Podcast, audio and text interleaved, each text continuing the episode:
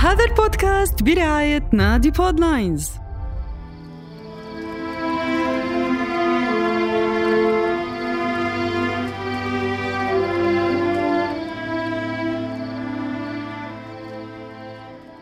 هذا البودكاست بعنوان للرسالة أهلها. من تقديمي أنا آمنة عنتابلي وأنا رام زراع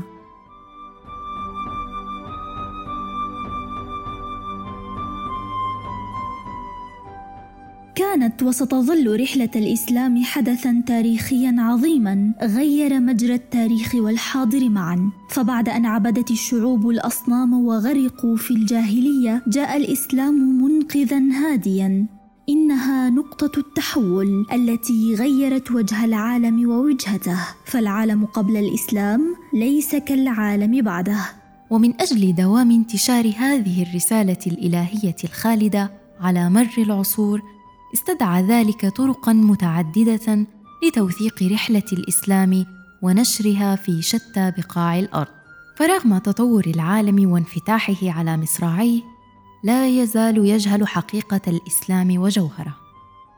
وأحد أهم هذه الطرق هي السينما وهنا يأتي دور المخرجين السينمائيين المسلمين في التعريف بالإسلام والدعوة إليه.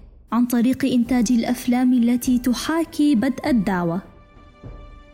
ولقد كان لمصطفى العقاد الدور الأبرز في صناعة فيلم استثنائي يحكي ولادة الإسلام ونضوجه من جزيرة العرب وصولا للعالم أجمع. ولأن خلف كل غاية عظيمة تحد أعظم ولكل طريق عقباته وبعد أن كان التعريف بالإسلام حبيس الكتب والمصنفات جاء العقاد فأطلق له العنان بفيلم الرسالة ليكون حدثا ضخما. أشعل شاشات السينما وأشغل روادها إلى يومنا هذا. تكاد مشاهد هذه التحفة السينمائية محفورة في أذهاننا بموسيقاها وما حملته من مشاعر عميقة وتعابير صادقة وتجسيد مدهش وتفاصيل حاضرة. جعلتنا أكثر عشقا للرسالة. رافقت الصعاب فيلم الرسالة في جميع مراحله فتقبل الفكرة كان صعبا وظروف التصوير كانت شبه مستحيلة. وأهم العقبات التي واجهها الفيلم هي التمويل إذ بقي العقاد خمس سنوات يبحث عن تمويل إلى أن حصل على تمويل من ثلاث دول عربية فقط.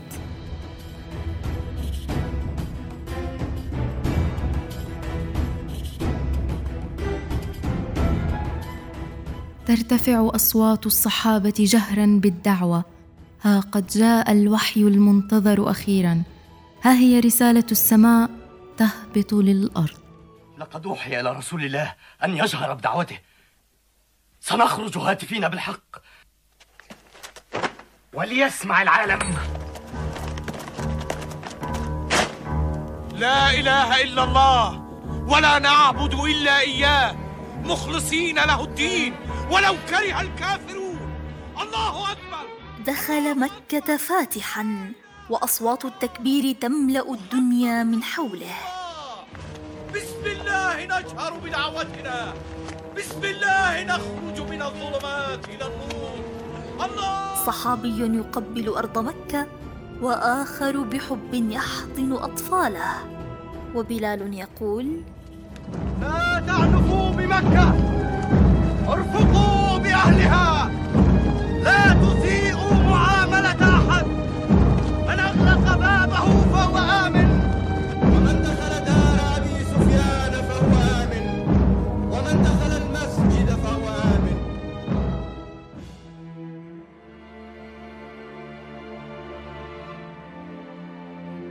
ونطق بالحق أبو سفيان حينما قال محمد يستولي على القلوب للجدران وهذا هو النصر.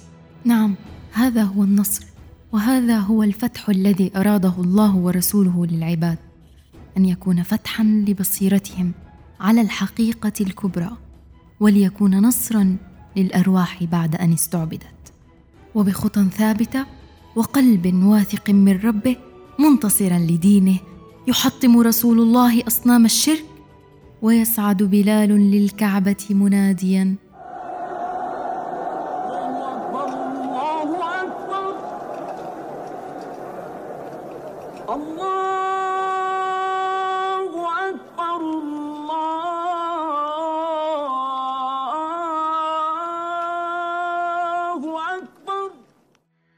أدى الأمانة وبلغ الرسالة ونصر الحق بالحق.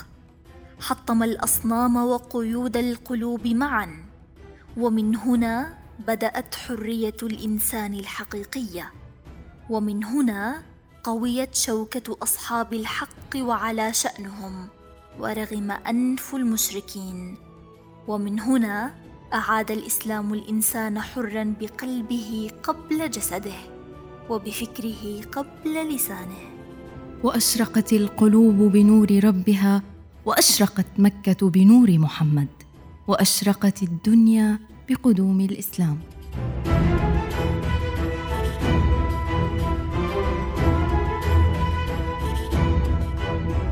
وللعزائم رجالاتها بحضور بارز ورباطة جأش مؤازرا ومصدقا يصفع أبا جهل بعد شتمه لرسول الله وابن أخيه. إنه حمزة ومن مثل حمزة؟ صائد الأسود. تحرمونه حق الكلام. محمد مفتر وكذاب. ردها علي إن استطعت. وأنتم ألا يواجهني منكم أحد؟ أنا على دين محمد. أقول ما يقول. فليرد علي ذلك من يستطيع.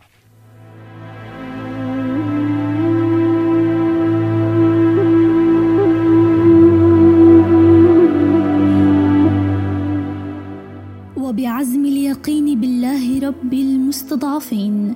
هاجرت الأرواح بدينها تاركة وراءها الموطن والسكن لتحتمي بمن شهد له نبي الله بالعدل وقول الحق. يا عمرو والله ما أسلم لكم هؤلاء بجبل من ذهب.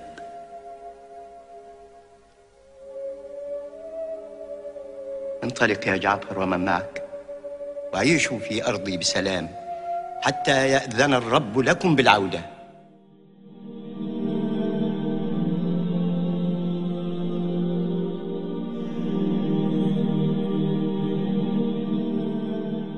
أقام محمد رسالة ستظل قائمة إلى قيام الساعة.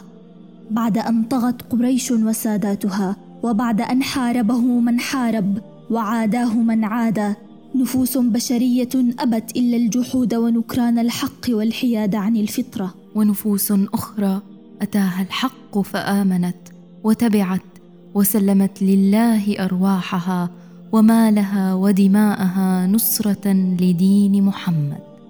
وبعد أن جاء نصر الله والفتح ورأينا الناس يدخلون في دين الله أفواجا اشتاقت الروح لخالقها فارتقت له. ولبت نداء الحق. أيها الناس من كان يعبد محمدا فإن محمدا قد مات ومن كان يعبد الله فإن الله حي لا يموت.